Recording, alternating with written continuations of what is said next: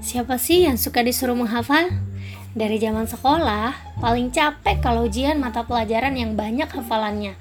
Begitu juga waktu kuliah, rasanya mau nyerah aja. Tapi kalian tahu nggak?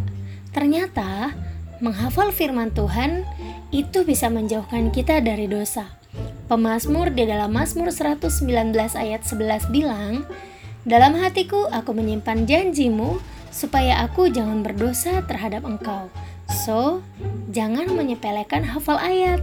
Sadar gak sadar, waktu kita menghafal ayat dan menyimpan dalam hati kita, ayat itu suatu saat bisa menyelamatkan kita dari dosa. Coba, sekarang kalau hati kalian dibuka, isinya apa? Janji Tuhan atau